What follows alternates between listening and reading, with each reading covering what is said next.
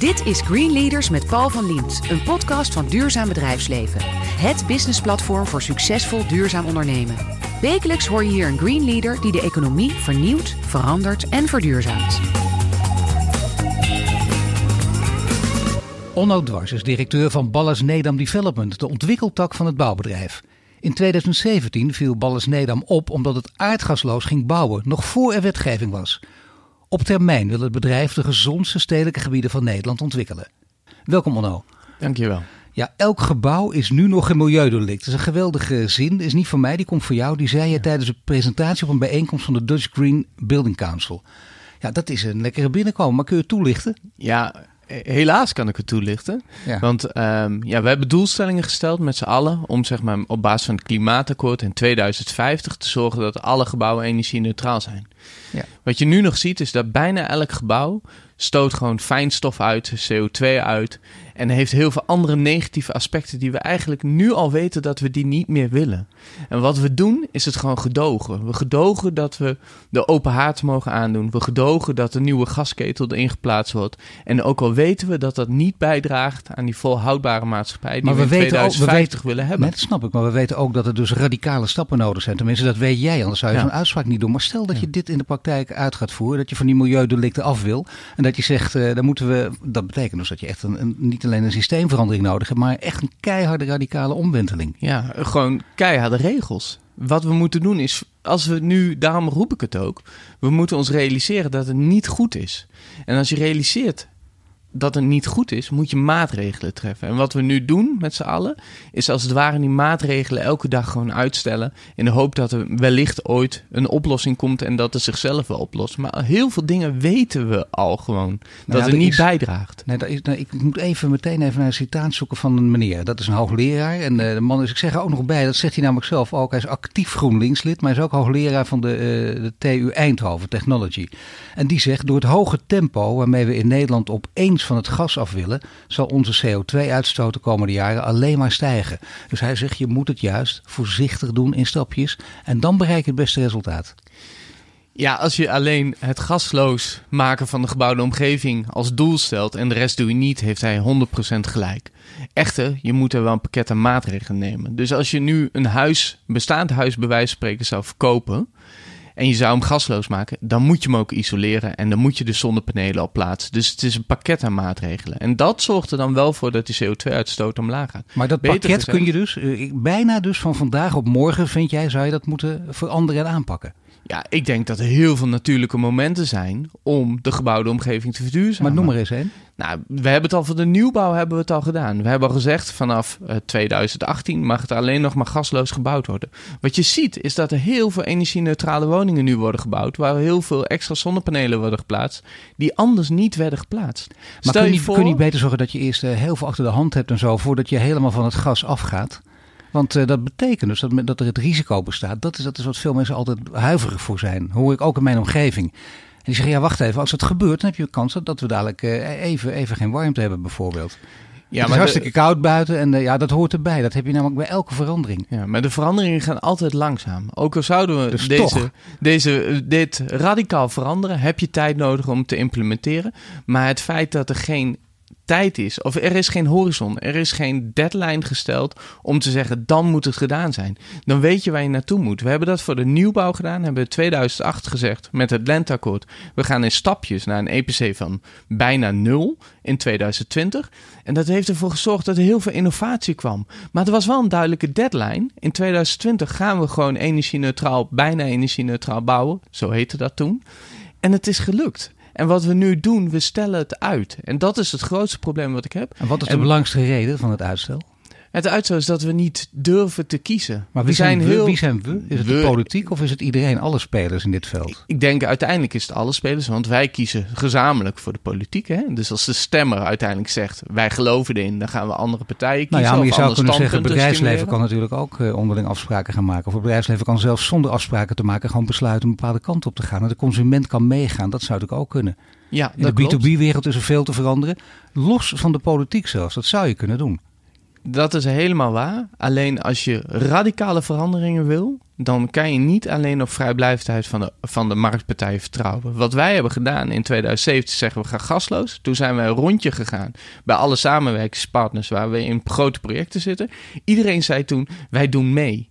Dat lukt. Maar om dan de hele sector, wij doen, wij doen een deel van de sector. Maar om die hele sector radicaal snel te veranderen, daar heb je heel veel koplopers voor nodig om dat te doen. En wat je ziet, dat kost heel veel tijd. Dus laten we alsjeblieft die koplopers gebruiken, die voorbeeldprojecten gebruiken om het goede te kiezen. Niet alleen voor de mens, voor vandaag, heden, maar voor de mensheid, dus ook voor de toekomst. Jij bent uh, directeur van Ballas Nedam, althans van de ontwikkeltak. Ja. Uh, hoe denkt de rest van Ballas hierover?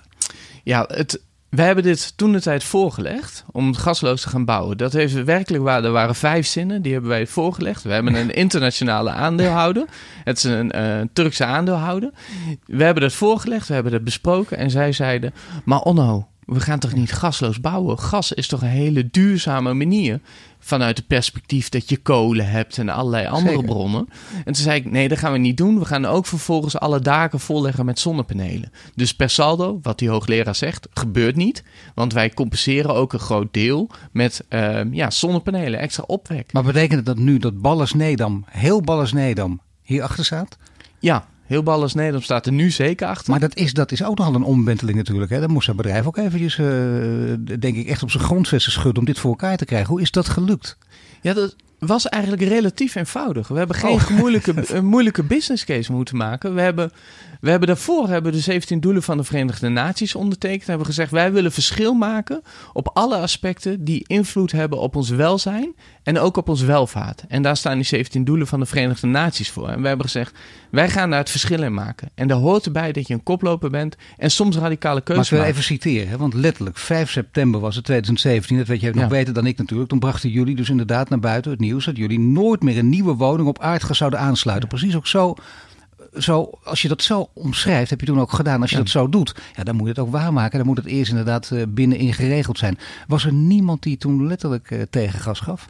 En nee, dwars lag, om even een paar woordgrappen door elkaar te halen? Um, Nee, eigenlijk zeg maar op het directieniveau niet. Er waren wel heel veel mensen die in de praktijk ermee te maken hadden, hadden heel veel vragen. Vanuit mijn ervaring, ook bij de vorige werkgever waar ik heb gezeten, dacht ik, ja, weet je, het is ook een business case. vorige werkgever. Volker Wessels heb ik hiervoor ja. gezeten. En ik heb gezegd, ja, weet je, die ervaring, die hebben wij. We lieten het al in projecten zien. En ik heb gezegd, we gaan daardoor meer geld verdienen. Want groen, eigenlijk GroenLinks, suggereert dat het um, vanuit ideologie enkel is. Um, dat is wat je heel vaak die combinatie hebt, groen en links. Maar groen is vandaag tegenwoordig ook rechts vanuit de optiek dat het een economie aanjaagt. En wij, door de wetgeving die is veranderd, je hebt meer financieringsruimte. Je kan ook daardoor meer geld krijgen voor een woning. Mensen kunnen makkelijk een woning financieren. De woonlasten gaan omlaag. En bij dit hele verhaal, dit hele pakket, uh, konden jullie gewoon uh, de boel letterlijk, dus wat ik net zei, op zijn grondvesten laten schudden. En was iedereen het er ook mee eens? Hadden we het in dus als ik nu bij Ballas nee dan binnenloop, dan zegt iedereen van ja, nee, wat Onno zegt, dat vinden wij ook, ja. Ja, dat vinden, dat vindt nou ja, dat is, dat, nee, heel ja. duidelijk. Dat is wel belangrijk natuurlijk, dat je er allemaal hetzelfde over denkt. Dan heb je nog een stap, namelijk uh, de gasunie. De gasunie zegt, ja maar wacht even, wij zouden eigenlijk het liefst een hele serieuze, goede discussie willen over wat gas nu precies inhoudt. Want wat, uh, wat Onno zegt is misschien mooi voor de toekomst, maar het ligt veel genuanceerder. Wat zeg je dan? Ja, alles ligt genuanceerd. Maar op het moment dat je geen ja. koers met elkaar bepaalt en niet zegt waar we naartoe willen en dat we een bepaald doel hebben voor ogen, ga je helemaal niks bereiken. En ik geloof er ook wel in dat het gasnet wat we hebben, dat dat hele andere mogelijkheden heeft voor de toekomst. Maar het gas, het fossiele gas wat we vandaag de dag hebben, is veel te waardevol ook om in woningbouw te gebruiken. We kunnen met beter isoleren. We kunnen met uh, warmtepompen of met stadswarmte of andere systemen. Mag ik dan toch weer even de hoogleraar erbij halen, die ik net aanhaalde, David Smeulters, hè? om, om Ja. het even zo scherp mogelijk op de kaart te krijgen. Want jij bent er heel duidelijk in, ook je zegt aan waar die stip op de horizon, eh, die clichématige stip op de horizon moet staan, dat dat ook een keer nodig is. Maar hij heeft nog een bezwaar. Dezelfde hoogleraar dus van de TU Eindhoven. Hij zegt niet alleen niet te snel gasloos, eerst voldoende duurzame energie opwekken en opslaan. Dat begrijp je. Want dan kun je pas het gas loslaten. En hij is tegen de warmtepomp. Want hij zegt die draait op elektriciteit uit kolencentrales en dat levert CO2 op. Ja, Ja. Dat, dat, is, dat is waar. Als je het totaalpakket vergeet. Mijn eigen woning heb ik van 2005 heb ik gasloos gemaakt. Ik heb het volgelegd met zonnepanelen. Wij leveren, wij leveren 6000 kilowattuur terug aan een net. Als je dat in het grotere systeem beschouwt, draagt het vandaag de bij, dag al bij aan de verduurzaming, Maar jij geeft het versnelling goede voorbeeld. Jij geeft het goede voorbeeld. Eh, leef jij eh, eh, alleen of ben je Ik getrouwd? met een gezin. en, en wat vond je vrouw? Mijn vrouw is ondertussen al lang over. over. De eerste zonneboiler, de eerste zonneboiler die ik plaatste, daar was zij ver- verbolgen over. omdat toch? ze zei dat was echt een hele grote tank op zolder. En wat moet die daar? Eh, maar op den duur weet je uiteindelijk ook waarvoor je het doet. En was het gesprek voor het volgende huis was geen gesprek meer. Was het onno, ga je gang en ga het doen. En ook waar ik echt in geloof is dat we al die... We werpen alle problemen op. En daardoor gaan die transitie niet beginnen. Ik weet wat we nu doen dat weten we van 20 jaar geleden, is niet de oplossing voor over 20 jaar. Maar ik weet wel één ding: alles wat we nu veel beter doen, bijvoorbeeld die bestaande voorraad gasloos maken, mensen daarin stimuleren, beter isoleren, zonnepanelen Heb je, plaatsen. thuis al in de kou, heb je thuis al in de kou gezeten of niet? Ik heb, ik heb zeker in mijn leven heel koud gezeten. Dus dat kan mijn. eh, ik heb ooit een keer een huis verbouwd waar de gasketel niet meer deed. Dus ehm, Dat kan ik ook, heb ja. echt, echt in de kou gezeten. Maar met de warmtepomp heb ik nooit in de kou gezeten. Lukt het jou om in je eigen omgeving, dus letterlijk ook eh, je buren hiermee eh, aan te steken? Tegen je buren te zeggen, kijk eens even wat wij doen, jullie moeten het ook doen. Of de rest van de straat. Ja.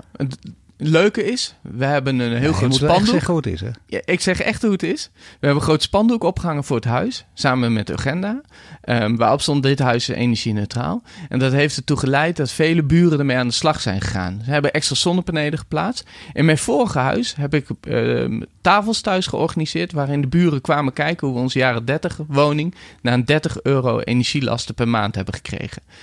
Alle woningen, 10 woningen directe omgeving, hebben allemaal minimaal twee labelsprongen gemaakt. Omdat wat het probleem vaak is, dat mensen het niet meer geloven. Mensen horen Nou, de niet meer verhalen. geloven. Nee, weet je wat is? Maar zelfs een hoogleraar natuurlijk, hè, die van Wanten weet, die veel eh, studie daarna gedaan heeft, er veel over gepubliceerd heeft ook deze Smulders. Die houdt toch dit vol. Hoe kan dat dan? Moet je dan eens een keer met hem in debat treden of zeggen van, eh, je vindt dat hij er dus naast zit? Of Ik- hij verdeel, hij, dat hij in ieder geval een deel van het verhaal vergeet. Hij vergeet inderdaad een deel van het verhaal. En hij benadrukt het negatieve aspect. En we moeten ook het positieve aspect blijven benadrukken. Er zitten altijd weer kanten aan. Het is, geldt niet voor elke woning als beste oplossing. Dat is waar. Maar voor een groot deel na 2000, eh, het jaar 2000, zijn er al meer dan een miljoen woningen opgeleverd die makkelijk van het gas af kunnen. Maar zou je Die zo zelfs- kunnen regelen? Dat stel dat jij het in je eentje voor het zeggen had. Jij was een dictator op dit terrein, want je weet precies hoe het zit. En Jij mag het bepalen. Zou je dan toch rekening houden met die woningen waar het niet goed kan? Of zeg je van, nou, daar maken we dan de uitzondering over, hebben we het over? Dan is het probleem namelijk opgelost. Ja, dan heb je denk ik 90% van het probleem gewoon opgelost. Maar dat is toch mooi? Ik bedoel, waarom zou je heel principieel alles, ook huizen die daar niet bij gebaat zijn, zou je die ook gasloos maken? Ehm, uiteindelijk is die wet er niet. Uiteindelijk, als die wet er zou komen dat we het in over tien jaar gedaan moeten hebben, komen zelfs voor die woningen komen oplossingen. Komen zelfs voor de monumenten komen de oplossingen. Daar geloof ik keihard in. En inderdaad, je moet altijd uitzondering maken. Daarvoor hebben we ook een monumentenwet, et cetera. Maar ik denk dat het percentage waar we het over moeten hebben, die moeten we wel echt substantieel klein maken. Want je kan ook zeggen dat die woningen gewoon, we hebben het altijd over aflossen van woningen. Dat suggereert alsof wij daar in de toekomst een waarde aan overhouden. Maar we moeten ons ook realiseren dat we misschien een deel van die waarde van die woning die niet verduurzaamd is, moeten afschrijven. Hoe wordt er door concurrenten tegen jouw verhaal aangekeken? Want je schudt deze sector behoorlijk op natuurlijk, hè, met dit soort woorden en met dit soort redeneringen. Ja, ik denk dat en de mensen sector... houden vaak niet van verandering. Dat zie je ook. Dat, dat, dat zeggen bijna alle gedragswetenschappers. Ja, ik denk dat de sector er wel aan gewend is ondertussen. En ik zie, wat er- ik zie in de vastgoedsector, als je kijkt nu nieuwe aanbesteding vanuit de overheid, is dat de lat wel echt heel hoog ligt. De bouwsector als geen innovatiesector te betitelen, dat vind ik totaal, totaal onterecht. Want Het is juist ziet, de innovatiesector bij er gebeurt heel veel. Maar dan doen ze daar geen goede marketing voor. Want nog steeds is dat wel het beeld. eh, lees alle dossiers erop na gewoon. Of eh, Ja. sla even Google op en kijk even over deze sector. Ze beginnen zinnetjes altijd met de traditionele bouwsector. Ja. Wat doen ze daar verkeerd? ja, wij, Je kunt niet alleen maar aan degene die het opschrijven de schuld geven. Dat is waar. Alleen als je kijkt naar nieuwe projecten, we zijn nu in Amsterdam. Ik neem met opzet een voorbeeld aan een ander bedrijf. AM, die de Belmen eh, aan het eh, ja, herontwikkelen is. Die zijn heel erg bezig met circulariteit. Er zit enorme innovatiekracht achter, die een, eh, ja, motor is voor die innovatie van de circulaire economie in Amsterdam. En als we die voorbeeldprojecten nog groter gaan maken. Want dat is wat wij als sector verkeerd doen. We zijn veel te bescheiden. We pakken het podium onvoldoende om te presenteren wat we allemaal goed doen. Nou, we gaan naar het Malieveld gaan we toe om te zeggen wat, eh, wat voor problemen we hebben. Maar we moeten ook eens een keer het Malieveld op om de aandacht te vragen hoeveel innovatie we doen. We zijn namelijk wel de sector die grootschalig, vergelijken met de autosector, 100% van de nieuwbouw die we vandaag de dag doen, is gasloos. Zeker, maar misschien moet je ook proberen iedereen mee te krijgen. Want eh, je kent ook het onderzoeksbureau Ecoris. Die zeggen per huis, Ecoris, die zeggen per huis een investering van 18.500 euro om van het gas af te gaan. Dat bedrag is een investering. Natuurlijk, als het goed gaat, krijg je de toekomst terug. Maar niet iedereen heeft dat bedrag klaar liggen. Nee. Wat zeg je dan tegen mensen die om die reden huiveren? Nou, dat is dus hoe gaan we het inrichten. Want bestaande woningen die verkocht worden aan een andere persoon, die kunnen al nu al bij Maar wet weet, die 9000 euro kunnen ze al extra financieren om de woning te verduurzamen. Tuurlijk, dus maar, dat is maar dan, heb het je, dan heb je nog een bedrag over. Die klimaattafels gingen daarover mis over. Dan, dan had je eindelijk, tot, tot, tot verwondering van iedereen, kwam er een soort akkoord uit. Maar dan toch ging de hele discussie over de kosten. En voor je het weet gebeurt dat hier ook. En jij denkt, dit kunnen we van tevoren uitrekenen. Waarom zou je dat niet tegen iedereen ook zeggen? Maak u geen zorgen over die 18.500. Dat kunnen we wegstrepen. Dat is 100% waar. En we kunnen zelfs plussen. Want het mooie is, er is onderzoek gedaan, dacht ik door het RIVM, als de Brussel-maatregelen ten aanzien van de luchtkwaliteit niet waren genomen, dat we allemaal zeven jaar eerder zouden overlijden.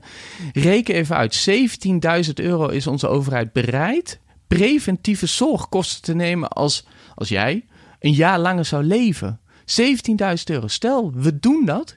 We kunnen met een pakket aan maatregelen, als we dat kunnen berekenen, dat kunnen we, kunnen we berekenen dat mensen langer leven. Oh, Dan als ik jou, als ik jou hoor, dan moet je niet alleen het klimaatakkoord oplossen, of het klimaatprobleem oplossen, maar jij moet ook eh, het pensioenakkoord gaan sluiten en nog meer. Heb je eh, idee om de politiek in te gaan? Dan ben je ooit gevraagd. Nee, niet gevraagd. En denk, ook na geen deze podcast wel, denk je niet? Maar je zou niet willen. Je zegt nu bij voorbaat al nee. Ik zeg nooit bij voorbaat nee ergens op. dat doe ik nooit. Echter, ehm, ik merk dat eh, politiek is een heel breed spectrum. Over allerlei onderwerpen. En ehm, je moet wel weten waar je verstand van hebt en waar je geen verstand van hebt. Dus daar moet je voorzichtig zijn. Maar ik wil het wel even afmaken, die 17.000 euro. Ik wil het over de waarde hebben van het leven. Als het de 17.000 euro waard is om preventieve gezondheidszorg te plegen, om een jaar langer te leven. En we zijn in staat geweest vanuit Brussel om zeven jaar te verlengen. Maar we rekenen één jaar door. Keer 17 miljoen mensen hebben we het over 290 miljard welzijnswaarde. Zeker. We moeten totaal anders kijken naar het systeem waar we in leven. Andere rekensommen ook maken. Totaal andere rekensommen maken. En het gaat niet alleen over welvaart voor de mens, maar het gaat over welzijn voor de mensheid. Dus ook voor de toekomst. Je hoort Onno Dwars, directeur bij Ballas Nedam Development. Net sprak hij over de manier waarop op zijn bedrijf inzet op duurzaamheid. En zo praten we verder over persoonlijk leiderschap.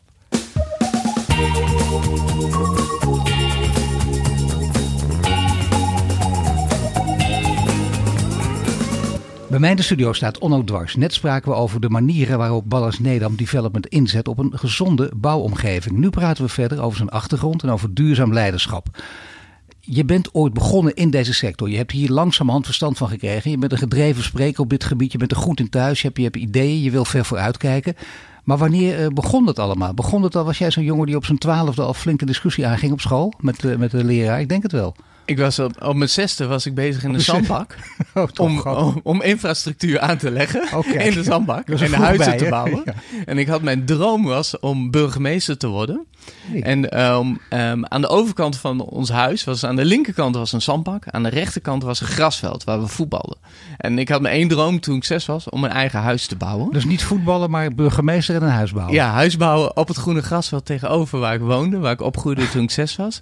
En dat bouwen en het creëren, dat zit echt heel erg diep in mijn bloed. En ik heb heel veel gesport buiten. Ik heb vroeger wedstrijdwielrennen gedaan. Ik heb heel veel gemountainbiked. Dus ik was eigenlijk alleen maar in de natuur te bekennen. En ik ben in het vastgoed gerold. En toen werd ik gevraagd, en toen ik 26 Maar hoe was... rol je het vastgoed in? Hoe gaat het? Want ik bedoel, had je al een beroepsperspectief toen je als burgemeester wilde worden? Heel jong, maar toen je 16, 17 was? Ja, toen wilde Vaak ik... cruciale leeftijd. Je moet Ja. kiezen op school. Toen zat ik, om, ehm, zat ik in de voorlichting voor, om accountant te worden. Ik heb heel veel met getallen. En toen was er een bouwplaats buiten, toen ik 17 was. En mijn moeder was bij mij. Toen keek ik naar buiten en zij had door dat ik alleen maar naar die bouwplaats aan het kijken was. Ik vind het mooi om dingen te creëren en te maken. En dat was voor mij het besluit om civiele techniek te gaan doen. Maar een hele empathische moeder, dat ze daar zo tegenaan kijken. En dat is belangrijk, dat je dat dus ook ziet. Ja, ja. Dat is ook een van de redenen. Ik ben ook in mijn jeugd echt gevormd. Ik ben naar scholen gegaan waarbij handvaardigheid, tekenen, eindexamenvakken waren omdat Montessori-scholen. Ja, dat had je vroeger volgens mij in mijn tijd. Richting. Ja, in die richting. Volgens mij had je dat nog niet zo extreem in die tijd. Maar in ieder geval om het creatieve te benadrukken. En daar ben ik eigenlijk gewoon in doorgegaan. Altijd creatief zijn, oplossingen bedenken, eigen ideeën Maar dan denk je, misschien word je wel artiest of, uh, of ga je iets in die richting doen. En waarom ga je dan uh, uitgerekend ook de vastgoedsector in? Om mijn sollicitatie was letterlijk dat ik de wereld wilde verbeteren. En dat was mijn sollicitatie. Dat was niet bij het vastgoedbedrijf binnen Volk Wessels. was op een andere plek. En toen zei ik tegen die beste man, Wout, die zat tegenover mij. Ik zei, ik wil de wereld verbeteren. Hij zei, dan moet je naar vastgoed gaan, want daar zit je als opdrachtgever vooraan.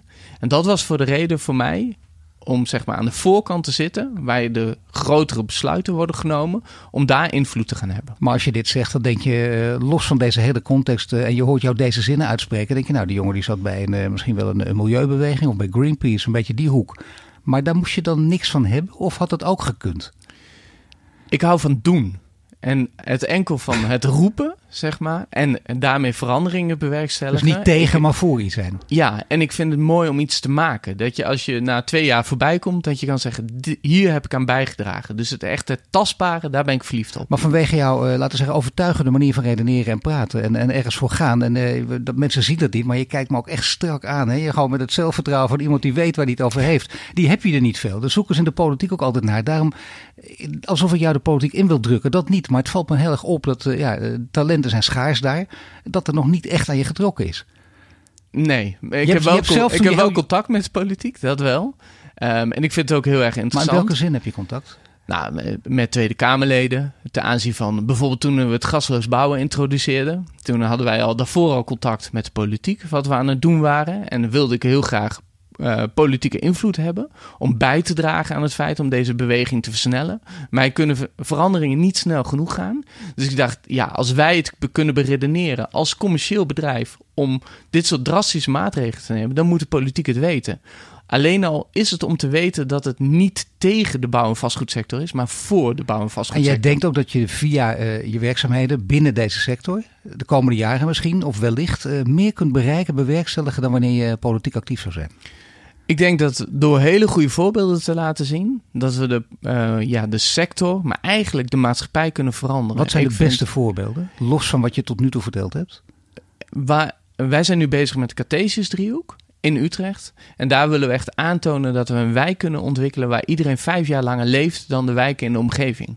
Ik geloof oprecht dat de maatschappij waar we in leven echt gemaakt wordt. Zonder dat we het weten, Staat de auto op een plek en moeten we een bepaalde afstand lopen? Hebben we wel of geen uitzicht op het groen? Dat wordt allemaal gedicteerd door de ruimtelijke ordening. En ik denk als we veel meer bewust zijn wat voor invloed dit heeft op onze gezondheid, maar ook op het prikkelen maar toeval en willekeur, dat is toch heel fijn. Dat speelt ook altijd een grote rol in het leven. Hè? Dat je niet in een maakbare samenleving uh, woont. En dat dachten communisten dachten dat ook, hè? Maakbare samenleving. Maar we wonen in een maakbare samenleving. We zijn ons er onvoldoende bewust van. Maar kijk eens, dat vind ik altijd een hele mooie discussie. Ik zou bijna zeggen, lees eens tien biografieën achter elkaar. Dan zie je van alle mensen die dat dachten ook en hoe die levens dan lopen. Jij ook over 30 jaar. Dan denk je, god, dat is helemaal niet waar. Heb ik dat toen allemaal geroepen? Zeg, ik wist niet dat het die kant op zou gaan. Dus er is ook nog heel veel plaats voor, voor toeval en willekeur, denk ik. Altijd. Gelukkig maar. Altijd. Ik bedoel, de toeval, de willekeur is dat ik in het tijdperk uh, in het vastgoed ben gekomen. Nou ja, maar dat bedoel, dit een wat, onderwerp wat, steeds groter werd. En dat het heel zou, dicht bij mij past. Wat jij wel zou in China natuurlijk makkelijk kunnen. Heb je één dictator aan de top en bam. Is dat een manier van leiding geven die, die jou aanspreekt? Nee, want ik heb de kennis niet. Dus zo eerlijk ben ik. Ik weet dat ik als mens heb niet de kennis om die grote verandering te bewerkstelligen. Het enige is, wij werken wel met heel veel goede partijen samen. Stedenbouwkundigen, wetenschappers, um, ingenieurs, werken wij mee samen. Mensen vanuit gemeentes die heel veel kennis over data hebben bijvoorbeeld. En die kennis moeten wij bundelen om die volgende stap te maken. Dus in dictatuur geloof ik niet, maar ik geloof wel als we met z'n allen die stip bijvoorbeeld zoals we die hier bij deze aanbesteding hebben gezet, of bij deze prijsvraag, hebben gezegd: wij willen je zorgen dat vijf jaar langer leven. Dan weet ik uit mijn verleden dat we dat gaan bereiken als team. Weet je wat lastig alleen is? Ik vind het een heel interessant project. Hè? Dit is echt inderdaad iets om in de gaten te houden. Het is ook vernieuwend. Alleen uh, het duurt wel heel verdomd lang voordat we in de gaten hebben of je gelijk hebt gehad, natuurlijk, hè? met dit project. Ja, uh, ja. en nee. Want ja, um, de eerste data van Leidse Rijn is er ook al. Leidse Rijn in Utrecht, waar bijvoorbeeld in Overvecht de gezonde levensverwachting 60 jaar is. In Leidse Rijn, dat is een wijk waar nu nog steeds wordt gebouwd, is de gezonde levensverwachting 71 jaar. Dus ondanks dat de wijk niet af is, weten we nu al meer over de gezonde levensverwachting. dus zeggen, met wat, data wat, kunnen we heel veel bereiken. dominante factoren daarvoor zijn? Dat je, dat je weet dat mensen, want dit is nogal een verschil. Daardoor eh, in de buurt leven toch veel langer kunnen leven. Ja, onder andere, het heeft ook heel erg te maken wat is de samenstelling van de bevolking. En heb je de kans op het moment dat je een sociale achterstand hebt ten opzichte van ja, of, ehm, eh, kennis en de ontwikkeling om zeg maar op te klimmen in de ladder. Dat is heel erg belangrijk. Maar ook de ruimtelijke ordening is heel erg belangrijk. Woon je in een nieuwbouwwoning waar goed geventileerd wordt bijvoorbeeld, Ja. heb je veel uitzicht op groen. Al dat soort aspecten spelen een belangrijke rol. Maar ook de sociale verbondenheid. Op het moment dat het ehm, minder veilig is dus op een plek, dan ga je minder snel naar buiten en ben je minder in contact met andere mensen. Want dat blijkt onder andere uit studies van de Blue Zones, is dat die sociale verbondenheid heel erg belangrijk is. En daar richten we ons ook echt op in de Cartesius driehoek, Je hebt het net zodat we gehad dat over, organiseren. Je hebt net gehad over spelen in de zandbak. eh, over jouw moeder, die, die op een beslissend moment in de gaten had wat jij belangrijk vond. Leven jouw ouders nog? Mijn moeder leeft helaas niet meer, mijn vader leeft nog wel. En wa- wat deed jouw moeder en doet jouw vader? En mijn, va- mijn vader en moeder ze waren allebei fysiotherapeut. En mijn moeder was kinderfysiotherapeut. Een van de eerste in Nederland. En die was daar ehm, ja, ook een soort van koploper in. Die wilde graag de verandering meemaken en aanjagen. Het zit toch in de genen dus. zit hè? er wel duidelijk in de Deze genen, manier ja. van denken dat je koploper wil zijn, dat je voor de troepen durft uit te lopen ook. Ja. Wij, wij zoeken hier naar, naar duurzaam leiderschap, hè, naar een definitie van duurzaam leiderschap. Vind jij jezelf een duurzaam leider op dit moment? Nee, want ik vind dat de invloed ehm, die, die ik als leider zeg maar, zou kunnen uit, eh, uitoefenen nog veel te beperkt is. En dan kan je mij een dictator indirect noemen, zoals daarnet. Daar gaat het mij niet om. Maar Om uiteindelijk, ja, Ja, uiteindelijk wil ik een grote verschil maken. Ik denk eh, dat wij mogen bijdragen aan het gasloos maken van nieuwbouw. Dat mogen versnellen. Want er was natuurlijk al een stroming op gang. Daar, daar, zijn, daar zijn we als bedrijf heel trots op. Maar ik denk dat echt die volgende stap... en die hopen we eigenlijk toch wel over vijf jaar kunnen maken... dat de ingrediënten worden samengesteld... hoe we een leefomgeving kunnen maken... waar we echt langer kunnen, gezond kunnen leven. Maar daar is dus ook leiderschap voor nodig. En jij moet je daar nog in ontwikkelen. Dan als wij over vijf jaar zouden praten hier, dan ben je een duurzaam leider of niet? Ik, ik bedoel, met, met de ambitie Ja, waarmee jij leeft, de snelheid, dan moet het wel lukken. Ja. En wat, waar, wat, moet, wat moet je dan nog, eh, laten we zeggen, verder in je pakket hebben om echt duurzaam leider te kunnen zijn? Ik denk dat het nog belangrijker is om de integrale verbinding te kunnen maken met alle stakeholders. Ehm, en dat gaat niet alleen over waar we vandaag, vandaag de dag mee bezig zijn, maar ook de gezondheidszorg. Maar ook bijvoorbeeld nadrukkelijk de politiek. Dat er meer een grotere draad wordt opgepakt waar we naartoe willen. En daar wil ik wel echt een bijdrage aan leveren. Dat we als maatschappij een visie krijgen. En dat is wel, dan moet je echt iedereen weten te verbinden. Dus geen leider, die, geen leider die managt en die, die, die gaten vult en dat misschien ook heel goed kan, maar iemand met echt een idee. Een idee, een plan waar we naartoe moeten. Ja, dat is keihard nodig. Heb je ook een, hoort er ook een ideologie bij? Ehm, dat vind ik heel moeilijk. Ehm, want ik, ik geloof niet echt in ideologieën. Ik ben altijd heel erg bang dat een ideologie aan het verleden hangt. En ik denk waar we nu staan, ehm, als bevolking, als Nederlanders. ehm, er is ook een boek geschreven en daar begint de eerste titel over. A nation formerly known as the Netherlands. En dan zie je volgens op de pagina daarnaast dat het onder water staat. Ja. Wij kunnen niet acteren op basis van gegevens uit het verleden. Wij moeten dus nu snel acteren om überhaupt ons bestaan hier in Nederland te gaan ja, redden, wil ik niet zeggen, maar een nieuwe dimensie te geven. Dus daar hoort een, misschien een totaal nieuwe ideologie bij. Nou was er iemand die, eh, die wij in een van onze vorige podcasts eh, te gast hadden. Dat is eh, Alexander Suma van Ibis Power. En die had deze vraag voor jou. Onno, je bent een gepassioneerd man die duurzaamheid serieus neemt en op een posit- positieve manier bij mensen thuis wil brengen.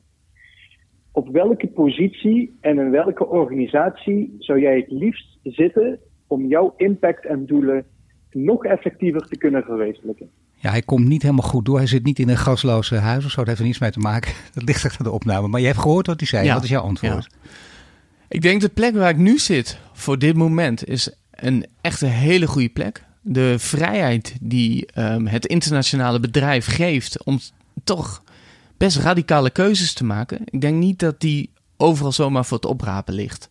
Dus daar ben ik ontzettend blij mee. Maar als je kijkt naar de volgende stap, moet je nog meer, ehm, ja, ben ik van mening, eh, boven in de organisatie zitten. Om organisatie breed ehm, want het is een onderdeel van een bedrijf, nog meer invloed te kunnen uitoefenen. En, daarvoor en heb je dus, daarmee eh, kan je ook uiteindelijk meer invloed krijgen in de politiek. Kan meer invloed krijgen ook in Brussel. Want ik heb ook in een commissie mogen zitten, zitten in Brussel over de circulaire economie. Ik denk uiteindelijk, ik geloof er wel in dat politiek heel veel kan veranderen. En daar kunnen we als marktpartijen veel meer aan bijdragen. Er is er wel één ding. Je hebt, eh, als je dit allemaal wil bereiken, dat zeg je al, eh, heel veel goede mensen nodig op goede plekken. Dus je moet goede mensen aantrekken, maar je moet ze ook op de juiste plekken weten neer te zetten. Daar heb je volgens mij leermeesters voor. Daar heb je eens wat over geleerd, hoe je dat voor elkaar moet krijgen. Ja. Hoe, hoe Ik- doe je dat? Goede mensen aantrekken is het moeilijkste wat er is. Ja. Maar ik denk dat het nog moeilijker is, persoonlijk vind ik dat, om mensen die onderdeel zijn van je team te laten groeien. En dat is wel iets wat heel erg belangrijk is. Als je in staat bent om mensen te erkennen waar ze heel erg goed in zijn en te laten groeien, is, kan je veel meer uit mensen halen. Klinkt negatief, maar kunnen mensen, iedereen om ons heen, nog meer bereiken. En ik denk dat dat het doel is. Maar Wij doe je dat door bijvoorbeeld te kijken naar mensen? Kijk je naar, naar cv's van mensen? Kijk je naar andere aspecten van mensen? Wat is het belangrijkste om iemand een volgende stap te laten zetten? Belangrijk is, meestal wij mensen aannemen, dan weet je binnen 20 minuten of daar die sprankeling in zit, daar die power in zit om het verschil te maken. En wat wij dan doen, wij willen heel graag zien of iemand ergens toe in staat is. Dat testen wij eigenlijk het eerste jaar stiekem. En vervolgens kijken wij hoe we die persoon kan doorgroeien in zijn rol, functie. En proberen we ze ook uit te dagen. Dus mensen af en toe op een plek te zetten waar ze zich niet comfortabel voelen. En zijn ze dan in staat om die volgende stap te maken. En mensen die dat kunnen, zich snel aanpassen en vervolgens die volgende groeistap te maken, dat zijn eigenlijk ja, de toekomstige leiders die wij heel graag in het bedrijf groot laten Nee, dat begrijp ik. Waar ze zich dus niet comfortabel voelen, dat is, dat is sowieso ook uit alle wetenschappen wel bekend ook. Hè? Alleen het wordt zo weinig toegepast, gek genoeg. Dus daarom En- leuk dat jij dit zegt, want probeer wat anders en dan kan het ook misgaan. Die kans moet je ook bieden. Ja, Of is iemand dan ongeschikt verklaard? Absoluut niet. Het is de vraag hoe ze ermee omgaan. En dat is veel belangrijker. Als mensen zeg maar ergens vastlopen en in staat zijn om bijvoorbeeld hulp te vragen en het opnieuw te organiseren, misschien buiten zich om, want we hebben hele goede mensen die weten heel goed wat ze niet kunnen. En die organiseren dat goed om zich heen. Dan is er niks aan de hand. En als iets fout gaat, is dat een leertraject. Die vrijheid krijg ik ook, want uiteindelijk heb ik ook weer mensen waar ik eh, verantwoording aan Is er af bij jou moet wel eens wat misgegaan of niet? Ik denk dat het dagelijks misgaat. Dagelijks, gaan de zo, dat is. Dagelijks gaan de zaken En toch word je gehandhaafd wel eens. Nee, dat, dat vind ik Ja. echt heel knap. Dat Nee, maar er, er gaat heel vaak wat mis. En je moet je spiegel altijd voorhouden. Wat kan ik beter Maar doen? noem, zei- kunnen- noem eens iets waar je echt van geleerd hebt. Want daar gaat het natuurlijk uiteindelijk om. Ja, in elke interactie met een mens zie je soms dat iets niet aanslaat. Dat je heel graag iets wil bereiken in een project. Dat je wil dat iemand een rol pakt, bijvoorbeeld, die die niet pakt. En dan kan je denken van die persoon moet veranderen. Maar het gaat dan, de spiegeling die ik altijd heb is, ik heb het verkeerd gedaan. Ik moet die persoon anders aansturen of op weg helpen om te kijken of we het kunnen bereiken. Want vaak heb ik het niet goed uitgelegd. Maar wat jij zegt heeft dus heel veel te maken. hè. Wat je, denk ik, eh, misschien, eh, laat ik het hopen, ook van je moeder hebt. eh, Echt empathie. Letterlijk in een ander kunnen verplaatsen. De, anders kun je ook niet binnen 20 minuten, wat je net zei, in de gaten hebben. Of er wel of geen echte sprankeling bij iemand in zit. Ja, Jij denkt dat je dat kan. hè. Ik vind dat heel knap, omdat mensen kunnen natuurlijk heel goed acteren. En dat dan moet je dan echt door, daar doorheen kunnen prikken. Ja, maar acteren kom je heel snel achter door andere vragen te stellen die ze niet verwachten. Dus op het moment dat je gaat vragen wat is uiteindelijk je hobby, stel je je krijgt nu eh, een miljoen mee, wat ga je dan doen? Dan weet je heel snel wat mensen doen. Ik mag ook lezingen geven, masterclass. En dan vraag ik wel eens, wat is je droom? En de eerste keer dat ik dat vroeg aan de zaal, wilde de helft een bed and breakfast beginnen. Weet je, dan met zo'n vraag kom je er heel snel achter wat uiteindelijk iemands echte passie is. En dat is denk ik ook wat ze mij hebben getest. Toen Wat zou tijd. jij antwoorden op die vraag? Ja, echt de wereld verbeteren. Met Dat een is- miljoen zou jij de wereld verbeteren. Maar dat kan op allerlei manieren. Ja, maar ik zou ehm, sowieso de rol. ehm, ik geloof er heel erg in, in mijn rol dat ik onderdeel ben van gro- van de grote concern. Dat je echt het verschil kan maken. En de, het miljoen, het enige waar geld mij uh, gelukkig maakt, is dat het een soort van rust geeft. En het Dus- woord is Onno Dwars. Directeur van Ballas Nedam Development. Net spraken we over zijn achtergrond. Nu praten we verder over de manier waarop de duurzame transitie echt van de grond kan komen.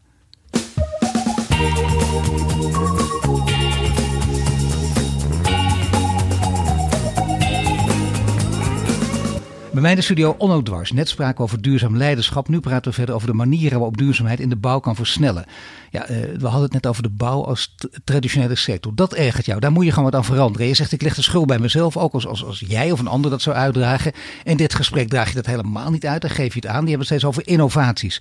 Nu zijn er mensen die zeggen dat is hartstikke leuk. Heel belangrijk vind ik trouwens ook. Hè, vertrouwen op innovatie en technologie. Maar het is ook vaag, want we weten het niet. En het is moeizaam. Hoe krijg je mensen daarin mee in dat vertrouwen? Want het, ja, het is toch gebaseerd op een geloof. Eh, Door het gewoon echt te laten zien. Wij laten in de bouw- en vastgoedsector echt die verandering zien.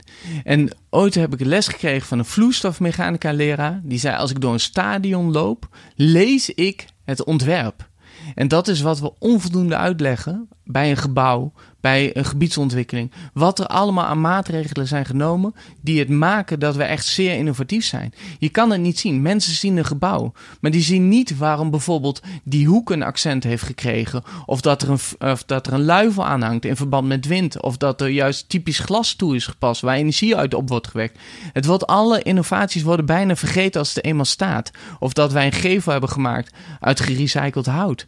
Mensen zien het niet meer. Wij moeten veel meer vertellen en laten zien wat we aan het doen zijn. Dat het niet zomaar iets is. Hè? Want Nee. ik bedoel, je hebt dat, dat heb je bedacht. Heb een knappe kop bedacht. Je hebt het in de praktijk gebracht. Dat blijkt te werken. Ik zou zeggen inderdaad elke keer dat keihard benoemen. Er komen ook innovaties aan die ik of die wij, misschien de luisteraar, nog niet kent. Ja, zeker. Kun je er Ik een paar noemen?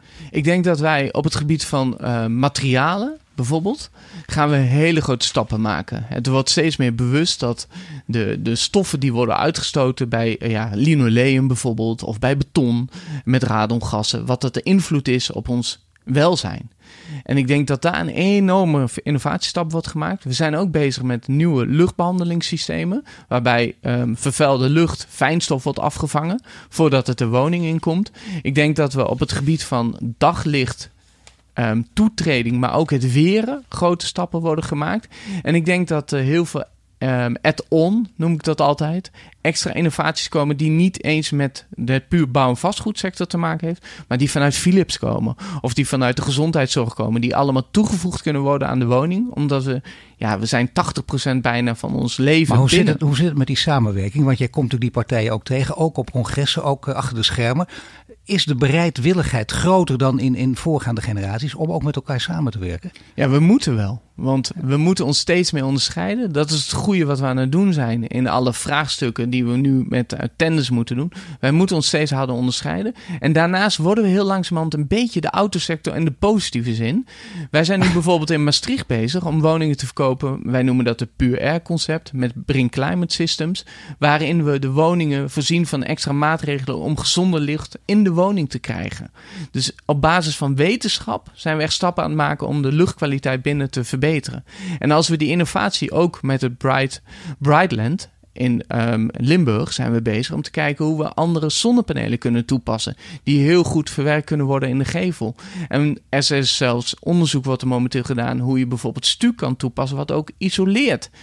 Dus we moeten wel die innovatie met elkaar opzoeken, omdat we elkaar keihard nodig hebben. Als wij het in de bouw- en vastgoedsector Maar niet zijn, laten zijn er zien, afspraken te maken? komen. zijn er afspraken te maken? Dus met andere bedrijven die in, op hele andere terreinen actief zijn. Maar je hebt natuurlijk alles met elkaar, alles hangt met elkaar samen, zoals je natuurlijk heel terecht aangeeft. Zijn er ook financiële afspraken te maken? Wie profiteert er dan van die innovaties? Is het Philips? Is het Ballas Nedam? Is het een ander bedrijf? Ik denk dat we er allemaal simpelweg van profiteren. Wij vragen eigenlijk nooit ergens subsidie voor. Op het moment dat we samenwerking hebben met een, een innovatieve installateur die systemen ontwikkelt, zeggen we gewoon wat het kost. Op innovaties op basis van dat mensen bij wijze van spreken dingen gratis bij een gebouw moeten toeleveren, is geen volhoudbaar systeem. Dus wat wij doen is dat er altijd een businessmodel achter zit. Dat is ook de reden waarom we met energie-neutrale nul op de meter woning bezig zijn. Het is gewoon een business case. En als je het blijft draaien op een business case, is voor iedereen volhoudbaar. En Dus we niet, moeten er eh, veel aan promoten. En dus niet meer groen kost spoen, maar groen levert geld op. Ja. Dat is een belangrijke boodschap Ja. die je eh, aflevert. Maar daarnaast komt er ook nog bij kijken dat eh, iedereen moet wat aan hebben. En de sector moet ook groener te maken zijn. Er moeten innovaties voor zijn. En nu heb je Louise Fresco, andere hoogleraar die ik even aanraad, uh, aanhaal. Uh, zij is directeur van het, of voorzitter van het raad van bestuur van de Universiteit Wageningen. En ze zegt wat te doen met de staalindustrie en de luchtvaart, waar nauwelijks groene alternatieven voor zijn. Ja, dat, en zij vindt dit verhaal, stel iemand die daarin mee wil gaan, maar zegt ze, ja, die heb je toch nog ook liggen. Ja, dat klopt. De staalindustrie hebben we nog gewoon keihard nodig. Wij kunnen in de bouw- en vastgoedsector die hoogtes die we vandaag de dag steeds meer gaan maken, gebouwen gewoon boven de 70 meter, heb je gewoon heel veel staal voor nodig. Maar we hebben het op heel veel plekken niet meer nodig. En ik denk dat we daar, zeg maar, de eerste stappen van moeten maken. Iemand zei al, en de Cobouw stond deze week, dat ging over betonschaamte. Ja. Uh, moeten we niet naar hout tenzij? dat is ook met staal. Weet je, moeten we alles met staal doen of zijn er alternatieven? En ik denk dat er veel meer alternatieven zijn en dat die onvoldoende worden gechallenged op dit moment. En dan zou je ook deze industrieën, daar zijn er wel degelijk, dus groene alternatieven ook voor deze industrieën die zij noemt. Ja, dat geloof ik keihard. En ik denk dat bij heel veel, dat geldt bij alle innovaties, al het negatieve wat we willen minimaliseren, want daar gaat het vaak om. Tuurlijk is 80% tussen haakjes laaghangend fruit. Die laatste 20% is heel moeilijk. Dus dan komen we terug op de andere hoogleraar die zei dat gasloos maken van die gebouwde omgeving. 20% is heel moeilijk, maar 80% is relatief eenvoudig te doen. En ten aanzien van het vliegvaart, ik denk dat we daar, we hebben een, uh, we hebben een maatschappelijke beweging, de vliegschaamte, luchtvaart. Is dat uh, mensen beginnen te schamen om bijvoorbeeld naar Berlijn te gaan vliegen. Dat zeggen ja, de trein is een goed alternatief. NS hebben we deze week. Londen kunnen we best goed met de trein. En je ziet nu ook al in de vastgoedsector dat mensen op het moment dat ze naar Duitsland moeten, dat ze zeggen: ja, moet ik dan nog wel met een vliegtuig gaan doen? Dus ik denk dat die beweging op gang aan het komen is. Um, grote vliegmaatschappijen die gaan dat ook al roepen. Ik denk dat we die quick wins snel mogelijk naar ons toe moeten halen om het verschil te maken. En daar zit al 40, 50 procent van het verschil in. Nou valt mij op in, in een lang gesprek dat wij nu hebben, Onno, dat we het over één ding nog niet gehad hebben. Dat we toch over de bouwsector praten. Wat zou dat zijn? Hoe heel bedoel gek, je? Heel gek dat we het er niet over gehad hebben. De bouwsector? Ja, en dan, en dan hebben we één aspect niet genoemd. Wat denk je? Daar komt die, stikstof. Daar moeten we het echt over hebben. De stikstofcrisis legt grote infraprojecten nog jarenlang lam. Kijk, dat is dan even een, een, een forse tegenvaller natuurlijk. Hè? In die lange termijn planning die jij hebt, hoe kijk je daarnaar? Ja, dat is inderdaad een zeer groot uh, probleem voor zeg maar, de bouw- en vastgoedsector zoals die nu georganiseerd is. En daar moeten echt stappen in gemaakt worden. We zijn nu tijdelijk gered met het 100 km puur rijden. Wat heel veel gedaan in, zaken de veesector. Daar is een tijdelijke maatregel. Want we, uiteindelijk moeten we naar een stikstofvrije um, ja, bouwindustrie. Ja, maar dus, grote infraprojecten liggen nog jarenlang lam. Hè? Als dat blijkt, het grote onderzoek, denk je, oei, daar moet je dus iets aan doen. Want dat is doodzonde. Ja, daar moeten wij, daar moeten wij als sector zeker bij helpen. Maar het zit ook heel veel bij de politiek. Dit hing al een tijdje in de lucht. Dit is niet van vandaag op morgen in één keer geland. Um, maar inderdaad, dit is wel waar. Hier moeten we echt grote stappen Het is heel lang vooruitgeschoven. Maar dan hebben we dat, dat, die constatering, die moeten we doen natuurlijk. En dan mag je inderdaad uh, de beschuldigende vinger naar de politiek wijzen. Maar uiteindelijk moeten we nu kijken hoe we dus verder kunnen. Wat zijn goede stappen om, om te zorgen dat die infraprojecten niet zo lang stil liggen? Dat vind ik een hele moeilijke. Uh, want dan ga je het niet alleen over de bouw en vastgoed hebben. De bouw vastgoed kan ook grote stappen zetten. Er wordt momenteel vanuit de Dutch Green Building Council gekeken wat kunnen we als bouw en vastgoed zelf doen. Wij zijn zelf ook in projecten bezig om bijvoorbeeld um, diesel uh, gestuurde systemen, hijskranen te vervangen door elektrisch daarmee lossen we een probleem op, maar de keten is immens groot. Ja. En dat vraagt echt een visie en een beleid en een stip op de horizon die wel heel veel tijd gaat kosten. Daar kunnen wij niks als bouw- en vastgoedsector aan doen. Dat verander je niet nou, in één jaar. Nee, natuurlijk. Nou ja, maar jij wil... Maar jij wel in van tien de, jaar. Ik wou net zeggen, je bent door de snelle veranderingen. En dat, dat is een reële inschatting. Ook tien jaar. Maar waar moet je dan lobbyen? Want natuurlijk kun je dat niet in je eentje. Maar je kunt ook niet in een hoekje zitten en zeggen, nou laat de ander het maar doen. Je probeert zoveel mogelijk ook de anderen met je mee te krijgen. Dat, ble, dat blijkt toch een beetje uit jouw verhaal. Dat vind ik Ja, wel het mooie. Voortdurend samenwerken. Wie zou je moeten in je kamp moeten trekken om dit voor elkaar te krijgen? Ik denk dat we de, de lessons learned zo snel mogelijk als sector moeten delen met de politiek. Wat is makkelijk te doen en waar lopen wij tegenaan? Bijvoorbeeld op het moment dat je vrachtwagens, et cetera, die naar de bouwplaats rijden, is niet makkelijk om dat vervolgens eh, stikstofvrij te maken. Maar we kijken bijvoorbeeld naar grote projecten, bijvoorbeeld in Amsterdam. Zijn we betrokken bij het ehm, UID, dat is naast de Amsterdam Arena, waar we substantieel aantal woningen gaan toevoegen. Daar zijn we aan het kijken hoe kunnen we omgaan met die vervoersbewegingen van alle bouwvakkers die daar uiteindelijk gaan komen? Kunnen we dat op een CO2-neutrale manier doen?